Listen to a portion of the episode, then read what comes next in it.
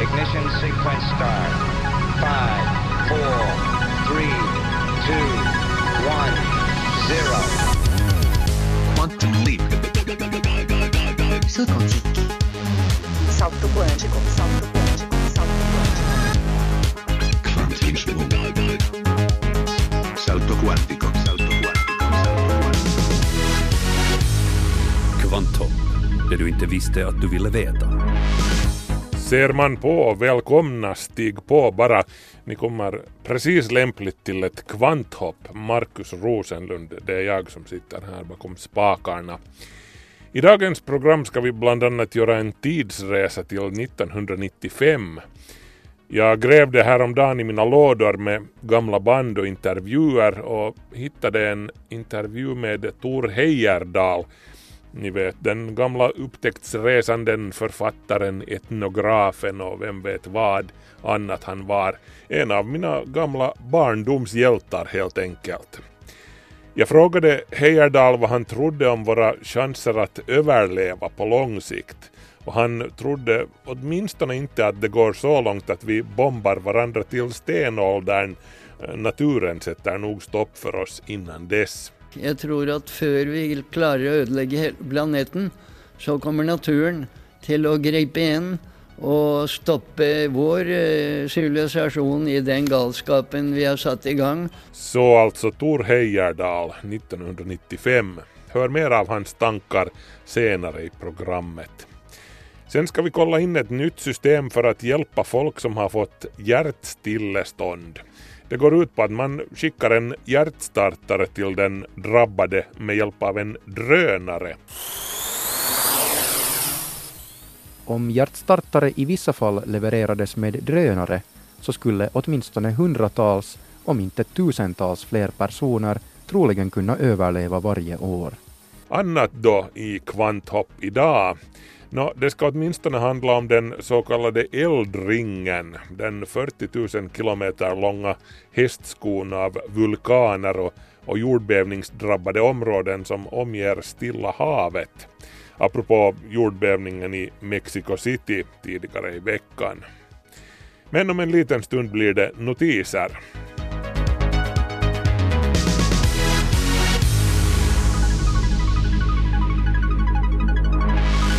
Det här är Yle Vega.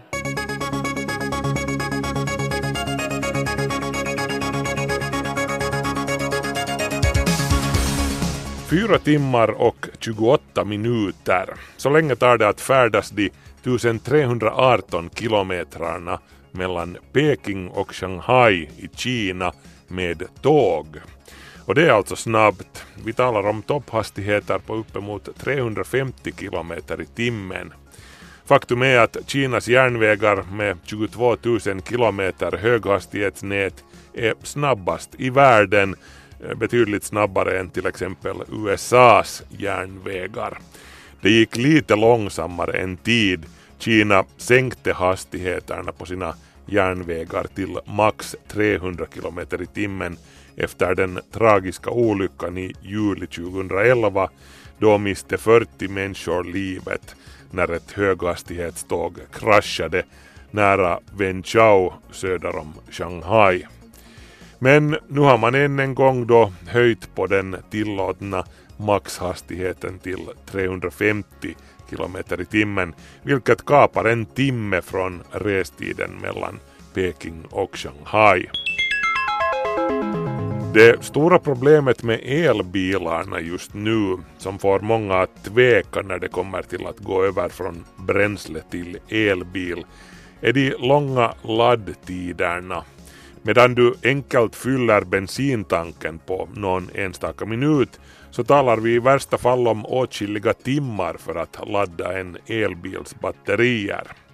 Men elbilstillverkaren Tesla har nu tagit patent på en lösning som kan skära ner den här tiden till en kvart. Den nya lösningen innefattar en robothiss som lyfter upp bilen och byter till ett fulladdat batteripack helt autonomt. Systemet är anpassat för Teslas S och X-modeller och ska som sagt inte ta längre än 15 minuter, ungefär en kaffepaus med andra ord. Det här väntas gagna framförallt taxiflottor som siktar på att gå över till eldrift. En taxichaufför kan med den här lösningen byta batteri mitt i ett skift, vilket är en stor fördel. Priset på alkalimetallen litium har under det innevarande året stigit med nästan 60 procent. Priset är just nu femdubbelt jämfört med 2012 års nivå. Orsaken till det här är den stigande efterfrågan på elbilar i vars batterier litium är en nyckelkomponent. Världens litiumtillgångar är koncentrerade till Sydamerika och Australien. Den största enskilda producenten är Chile. Produktionen är koncentrerad till några få händer. Fyra producenter innehar inalles 85 procent av totalproduktionen. Men också Finland och speciellt Österbotten har goda chanser att få sig en del av kakan i framtiden.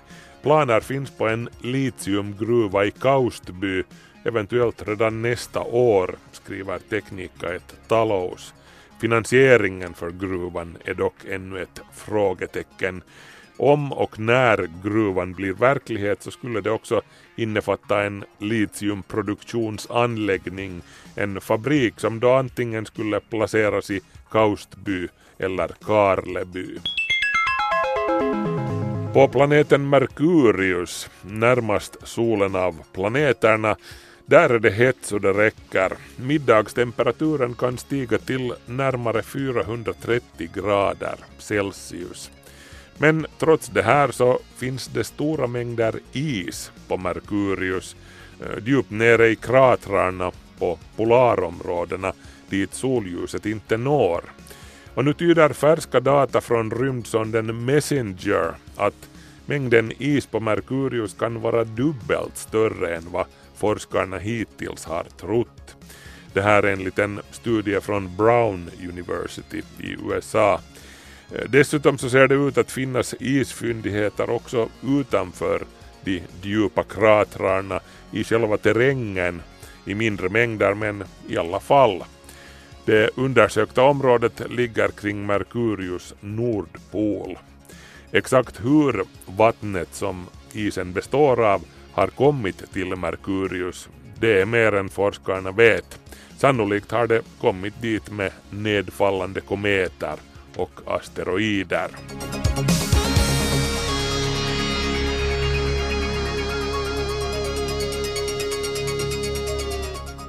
Nu till ny teknik inom akutvården. En hjärtstartare kan komma snabbt fram till den som har fått hjärtstopp om apparaten levereras med drönare.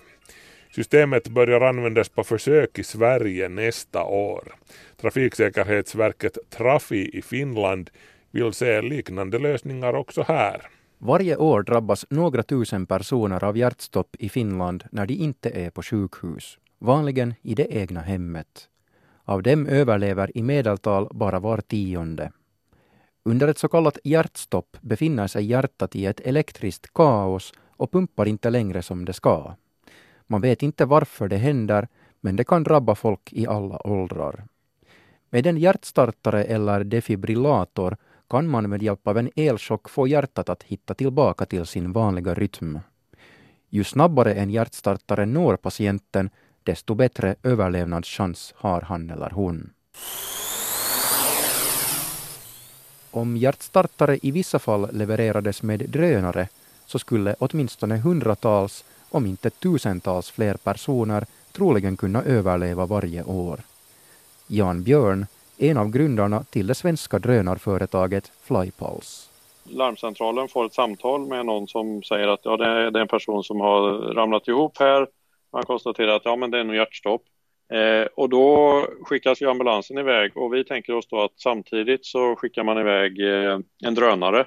Företaget tänker sig att placera ut drönare med hjärtstartare på områden som det i nuläget tar lång tid för räddningstjänsten och ambulansen att nå, främst ute på landsbygden och i skärgården. Den specialbyggda drönaren kan sedan själv ta sig till en viss GPS-position. Den flyger fågelvägen i upp till 70 kilometer i timmen med en räckvidd på 15 kilometer.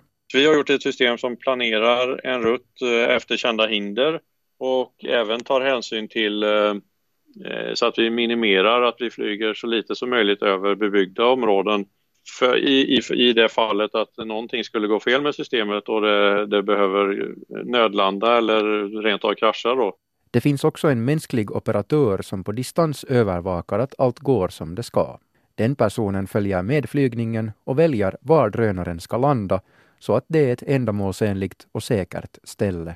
I tester som Karolinska institutet utförde vid populära sommarstugeområden i Norrtälje, där man gjorde utryckningar till historiska hjärtstoppsfall, så lyfte drönaren på tre sekunder och kom fram på fem minuter i medeltal. Den kom därmed fram närmare 17 minuter snabbare än ambulansen. Forskaren Andreas Claesson. Ja, detta är helt avgörande. Att på sin semester ha en chans att överleva som är nästan 0% i de här områdena eh, till att öka till kanske 20, 30, 40 procents sannolikhet att överleva bara genom att det kommer en hjärtstartare från luften och landar i trädgården. Det är ju dramatiska skillnader. En modern hjärtstartare berättar själv för användaren hur den fungerar och kan därför användas av de allra flesta utan någon tidigare erfarenhet. På sommaren nästa år kör Flypulse igång med drönarflygningar parallellt med ambulansutryckningar. Men det är fortfarande på försök, troligen med en enda drönare. Nu har vi visat eh, att den är snabbare än ambulansen men sen är det ju det att, att eh, man ska kunna se en, en effekt hos patienterna då att det, det, att det inte är så att ja, men personen som ska ta emot den skadar sig eller blir rädd eller på, på något annat sätt inte vågar använda hjärtstartaren.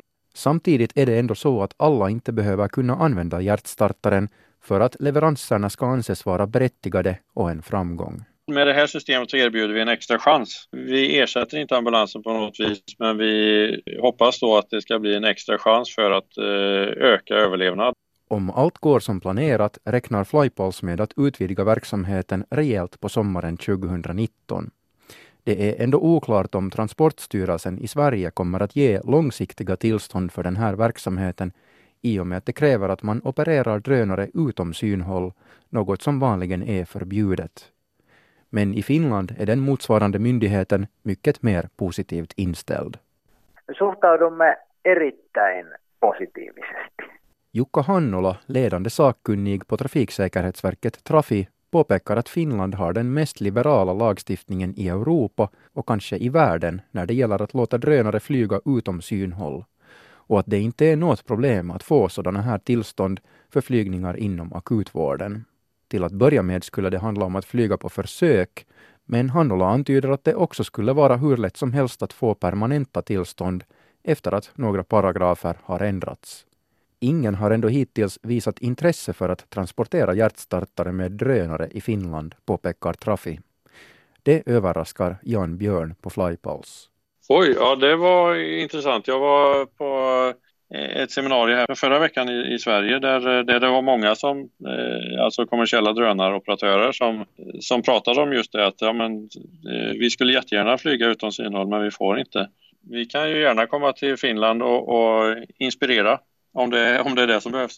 Det svenska företaget har dessutom planer på att snabbleverera sjukvårdstillbehör med drönare, till exempel till ambulanser eller sjukhus. Hjärtstartaren är ju egentligen, om man ser krasst på det, ett, ett kilos eh, nyttolast på drönaren.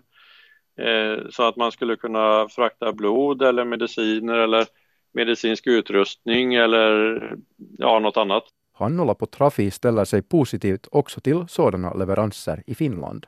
Han tror att drönarleveranser av olika slag kommer att bli vanliga i vårt land under de kommande åren. Aivan varmasti. Tämähän tavalla, tietyllä tavalla menee samaan kategoriaan kaikkien droneilla toteutettavien logistiikkaratkaisujen kanssa. Ja, de här hamnar egentligen i samma kategori som vilka logistiklösningar som helst, alltså leverans av postpaket. Det finns ändlösa möjligheter, säger Hannola. I Finland används drönare redan idag utom synhåll för att till exempel inspektera skogar, landområden och ellinjer. Det har under senare år varit mycket tal om att drönare i framtiden kommer att leverera konsumenter varor, till exempel elektronikprodukter och pizzor. Den framtiden verkar alltså inte vara lika avlägsen längre här i Finland.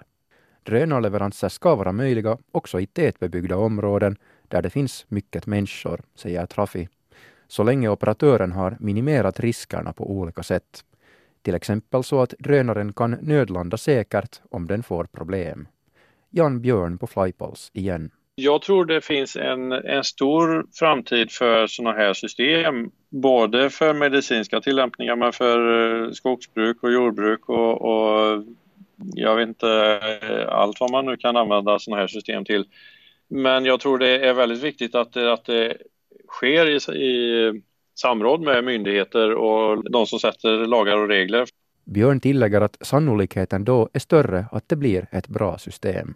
Så man inte hamnar i situationen så att, att det trillar ner drönare på folk till höger och vänster utan att det är seriösa aktörer som får de här tillstånden och att, eh, att det sköts på ett, ett, bra sätt som gör att man får, får fortsätta eh, köra sådana här, operera system. Drönartekniken har i alla fall tagit stora steg framåt under senare år.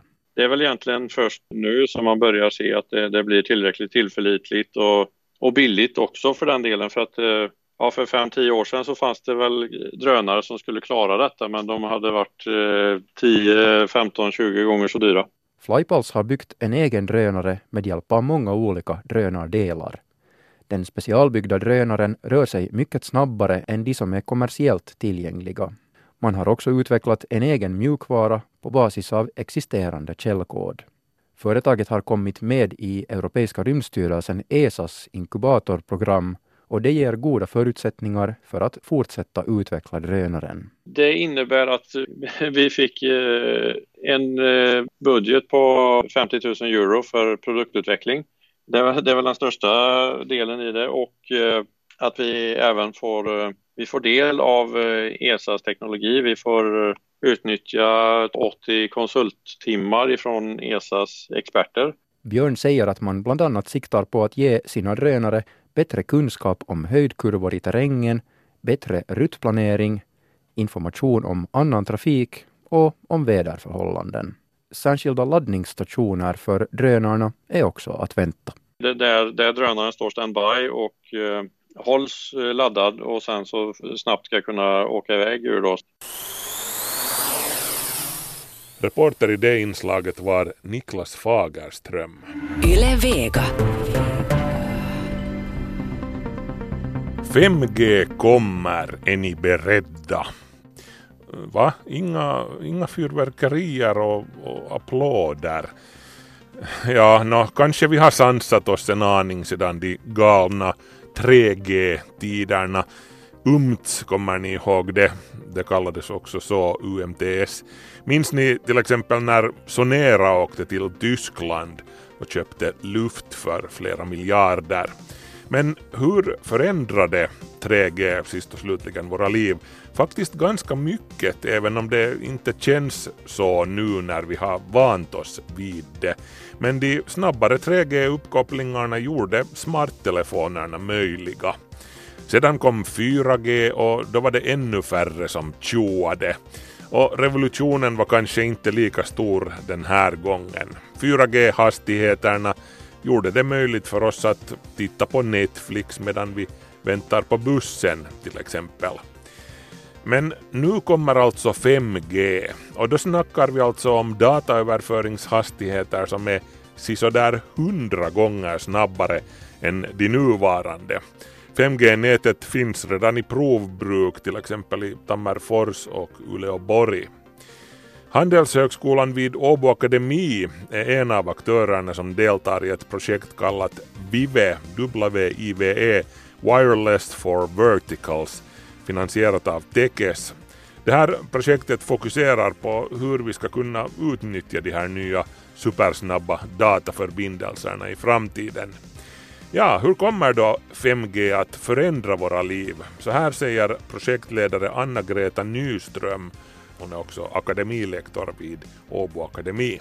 Det pratas ganska långt om att 5G hämtar med sig nya, nya det här användningsmöjligheter och, och kanske man också säger att, att för konsumenter så handlar det mest om att, att, att vi får snabbare, snabbare nät och, och, och, och mer tillförlitliga nät, att vi kan få ner en, en, en, film på några sekunder och så vidare. Men samtidigt så, så glömmer man bort att det här som händer inom olika industrier, hur 5G kan underlätta saker där, till exempel automatisering av, av, av olika saker som, ja, man pratar också om att, att, att göra sådana här uh, operationer till exempel på distans, alltså på människor i sjukhusen och så vidare. Att olika miljöer så kan man anpassa den här 5G och, och få bort trådar och kablar och så vidare för att, att där sen kunna göra processerna lättare och, och, och smidigare och, och, och, göra sånt jobb som, som kräver ganska mycket noggrannhet till exempel. Så att, att det finns en hel del olika områden som, som 5G kommer antagligen att integreras i, som, som vi kommer att som slutanvändare inte egentligen märka. Eftersom 5G kommer att göra det möjligt för industrin att automatisera fabrikerna ännu mer än förr så kan man ju undra Kommer 5G att leda till att våra arbetsplatser försvinner? Ja, det där har man också diskuterat en del. Att, att är det så att, att arbetsplatserna försvinner eller arbetsuppgifterna ändrar igen? Att om, om det är så att, att kanske vid ett sjukhus att sjukskötarna inte är de som själva går och, och sköter om patienten men att det är de som till exempel då programmerar den där roboten att göra det, att någon ska också göra det jobbet. Så det är väl lite hur man tolkar det där att, att kanske, kanske inte alla jobb precis är hotade men, men Beskrivningarna kommer säkerligen att ändra inom många av de här branscherna på lång sikt. Det här är inte någonting heller som händer genast då 5G liksom finns kommersiellt uh, tillgängligt för oss utan det, det, det kommer sen senare när man uh, förstår möjligheterna och, och, och, och, kan använda det då i olika kontexter så att det underlättar och, och gör saker smidigare för, för olika aktörer. Det som 5G definitivt kommer att möjliggöra är det så kallade Internet of Things, prylarnas internet, där allting är uppkopplat och allting talar med allt annat. Allting är smart helt enkelt, precis som telefonerna är idag. Eh, borde jag alltså vänta med att köpa ett nytt kylskåp eller en brödrost för snart är ju vanliga dumma hushållsapparater helt stenålders. Jag tror inte man behöver riktigt ännu fundera på att, att hurdan brödrost och hurdan kylskåp man ska köpa. Det finns en hel del olika lösningar just inom smarta hem och så vidare och många, många är ganska progressiva där men, men 5G kommer ju inte att finnas tillgängligt ännu på något år. Man pratar om att det lanseras 2020.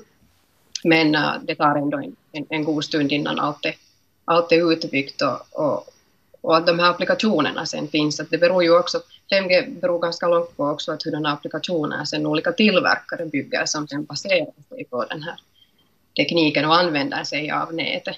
Mm. Men att, att jag, jag, skulle inte säga att det kommer riktigt genast ännu det att, att våra kylskåp berättar åt oss att hur många öl det finns där inne och, och när vi ska köpa det ena och det andra nytt. Att det kommer lite senare men, men den här typen av värld så målar man upp mm. ganska i och med 5G.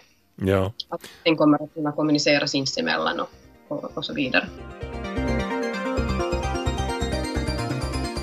Vive-projektet fokuserar också på medier och underhållning och där är de unga och deras mediabeteende i en nyckelposition.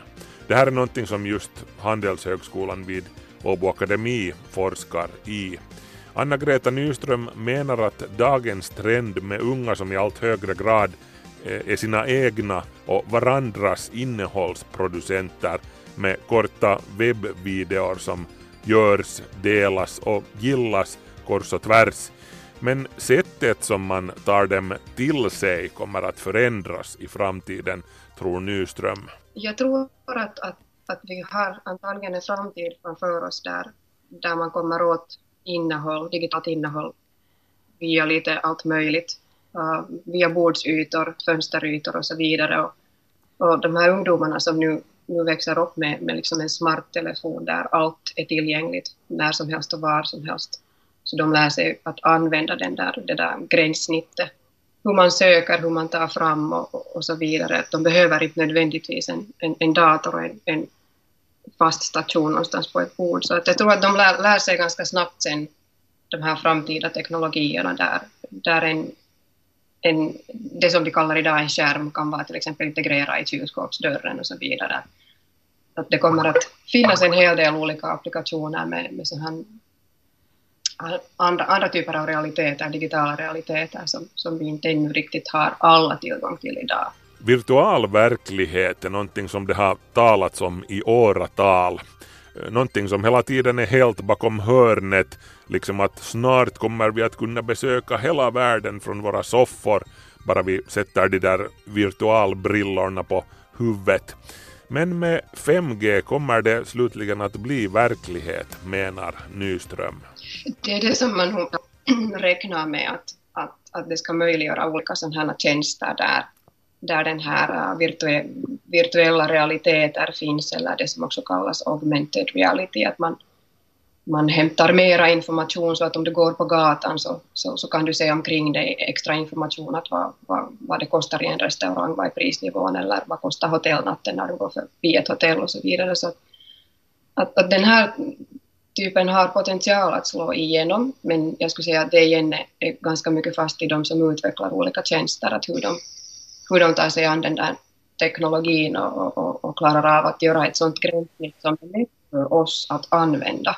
Att om det är klumpigt, så det vet vi från, från tidigare, att, att om man inte efter en eller två gånger uh, tycker att det var en trevlig upplevelse då man prövar en ny tjänst, till exempel mobila tjänster, så då kommer man inte att återvända till den. Så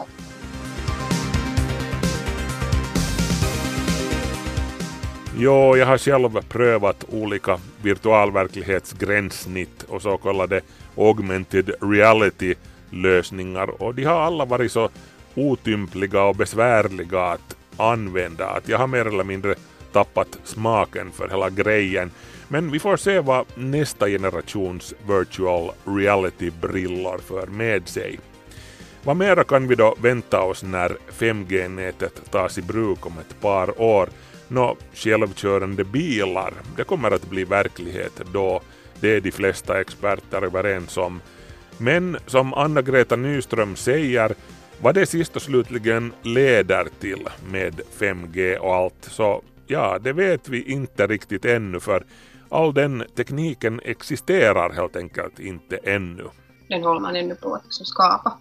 Man håller ännu på att förstå att vilka alla de här möjligheterna är och det som vi målar upp idag så är inte nödvändigtvis alls det som, som kommer att, att finnas om tre eller fem eller tio år, utan då har man igen liksom hittat på nya sätt att applicera och, och anpassa och använda 5G. Det var Anna-Greta Nyström som ni hörde där. Hon är universitetslektor vid Åbo Akademi. Året var 1995 då jag fick chansen att träffa en av mina barndomshjältar, den norska upptäcktsresanden, författaren och etnografen Tor Heyerdahl. Visste ni förresten att han också är den enda norrman som har belönats med en Oscarsstatyett för filmen som han spelade inom sin resa med balsaflotten Kontiki.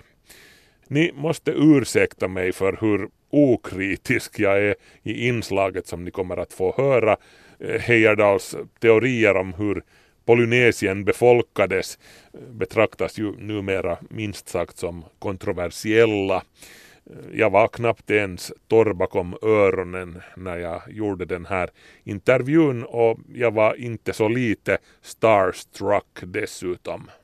Nå, hur som helst, jag började med att fråga Heyerdahl om han trodde att det ännu finns saker kvar att upptäcka i världen.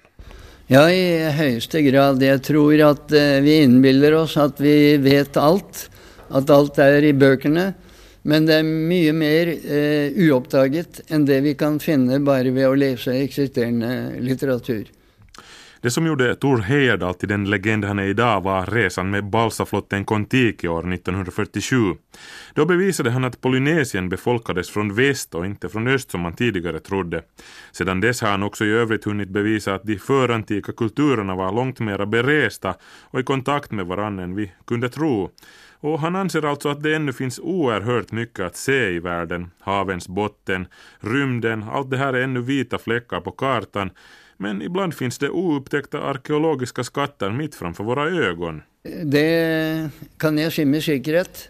För jag har själv eh, på tre expeditioner nu eh, oppdaget så stort som pyramider, som eh, i alla tillfällen har varit lika vid allemansväg. Eh, på eh, Maldiverna, där de är så stora att man ser dem från havet, men ingen har tänkt på att grava för att se vad det var. Og eh, i Peru, hvor man kunne se det fra Pan American Highway, men, men man så de var så store at man trodde det var eroderade eroderte fjell, mens det i virkeligheten er eroderade eroderte graver. Heyerdahl är alltså fullt aktiv fortfarande. Under 80 och 90-talen har han lett utgrävningar på bland annat Malediverna i Indiska oceanen, på Påsköarna och i Peru. Och i många fall har han alltså upptäckt hela stora pyramider som har varit mitt framför allas näsa, men ingen har tänkt på att de kunde vara annat än eroderade bergsknallar. Heyerdahl säger att det som driver en upptäcktsresande till upptäckande är först och främst ren nyfikenhet. Att man vill leta efter någonting som ingen har sett förut. Heyerdahls äventyr började då han upptäckte växter på Polynesiens öar som egentligen inte borde ha funnits där. Och som eh, biologi, biolog med eh, genetik eh, i min utdannelse, så visste jag att det var kulturplanter som var brakt från Sydamerika till Polynesien Polynesia lenge européerna europeerne kom. Og da konkluderte jeg med at eh, den farkosten som var brukt i Peru på den tiden, måtte være sjødyktig, til tross for at alle sa den ville synke etter to uker. Og det drev meg til å begi meg ut på havet på en slik eh, flåte. Det var eh, som akademiker og ikke sjømann. Jeg hadde aldri vært til sjøs og hadde aldri sett eh, Balsa, men jeg var sikker på at eh, man tok feil i konklusjonen, och det visste sig att jag har, hade rätt. Historien om Kontiki alltså, men också historien om att det är skoj att motbevisa folk som säger att man är mer eller mindre galen, att man försöker sig på något omöjligt. Och det här bevisande fortsatte dels med klassisk arkeologi på Påsköarna, dels med nya flottfärder 1970 med vassflotten Ra från Egypten till Sydamerika och 1977 med flotten Tigris från Irak till Djibouti i Västafrika. Där stoppade ett krig hans färd och Heyerdahl brände sin flotte i protest. Ja, kommer då framtida forskare att gräva i våra utbrända ruiner och fråga sig vad händer med oss egentligen? Kommer vår civilisation att klara sig? Jag må ju svara på att jag tror vi kommer till att klara oss. Jag är helt säker på att eh, det inte blir eh, så dramatiskt. Jag tror att för vi klarar att ödelägga planeten, så kommer naturen till att gripa in och stoppe vår eh, sivilisasjon i den galskapen vi har satt i gang, nemlig å tro at vi kan få fred og fordragelighet ved å gjøre atombombeprøver og, och rusta oss til å slå i hjel eh, andre. En naturlig mekanism kommer alltså mer eller mindre att hindra mänskligheten att begå kollektivt självmord och mörda resten av planeten i samma andetag, menar alltså Tor Heyerdahl. Tor Heyerdahl är idag 82 år gammal och har ingen som helst avsikt att pensionera sig. Delvis på grund av att han aldrig har haft ett fast jobb så det är svårt att pensionera sig då menar han. Upptäckande fortsätter i äkta vikingaanda. Ja, så här förklarar han varför vi nordbor är så benägna till att bli upptäckare och resa runt på de sju haven. Jag, jag tror att sjömanstraditionen har legat i eh, eh, våra förfäder och eh, vi har alla en kystlinje så det var naturligt att fortsätta att bygga båtar. Och vi visste att det var något bak horisonten och vi reste eh, där i eh, hundreder av, av, av, år før vår egen skriftlige historie begynte. Det var Tor Heyerdahl som ni hörde tala där. Året var 1995. Kvanthopp, det du inte visste att du ville veta. Nu ska det handla om någonting som heter Eldringen. Nej, inte en sådan som akrobaten hoppar igenom på cirkusen. Bor du längs med den så kallade eldringen som omger Stilla havet så lever du farligt. Cirka 90 procent av världens jordbävningar äger rum här, inklusive den som skakade Mexico City på tisdag kring lunchtid lokaltid. Och eftersom nästan hälften av världens befolkning lever längs med eller nära eldringen så blir det ibland farligt värre. Eldringen kantas av några av världens största och tätast bebodda metropolområden Tokyo, Seoul, eh, Manila, Los Angeles och så Mexico City med sina 21 miljoner invånare. Den så kallade eldringen är egentligen inte en ring utan har snarare formen av en 40 000 kilometer lång hästsko som sträcker sig från Sydamerikas sydligaste spets upp genom Chile, Mexiko, den amerikanska västkusten och Alaska över Berings sund genom ögruppen Aleuterna och ner mot Japan och Nya Zeeland.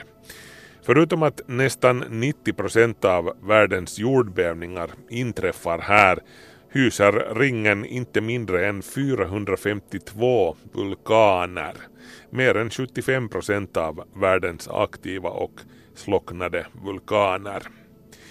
Eldringen innesluter några stora kontinentalplattor, enorma 100 kilometer tjocka flak inom citat av jordskorpa som flyter omkring på den smälta manteln djupare ner. Den största plattan i området är Stillahavsplattan som sträcker sig från Australien och Nya Zeeland i öster till den amerikanska västkusten. Längre söderut, väster om Panamanäset, där har vi den lilla Kokosplattan som den kallas och söder om den Nazca-plattan. I Mexikos fall orsakas jordbävningarna och vulkanismen av Nazca-plattan som tränger sig på mot nordost där den krockar med den nordamerikanska plattan som rör sig mot syd-sydväst med en dryg centimeter per år. Det är med andra ord lite som två jättelika isflak som kolliderar med varandra, Nazca-flaket och det nordamerikanska flaket. Och i det här fallet är det Nazca-flaket, det vill säga plattan, som får ge vika. Den knuffas ner under den nordamerikanska plattan.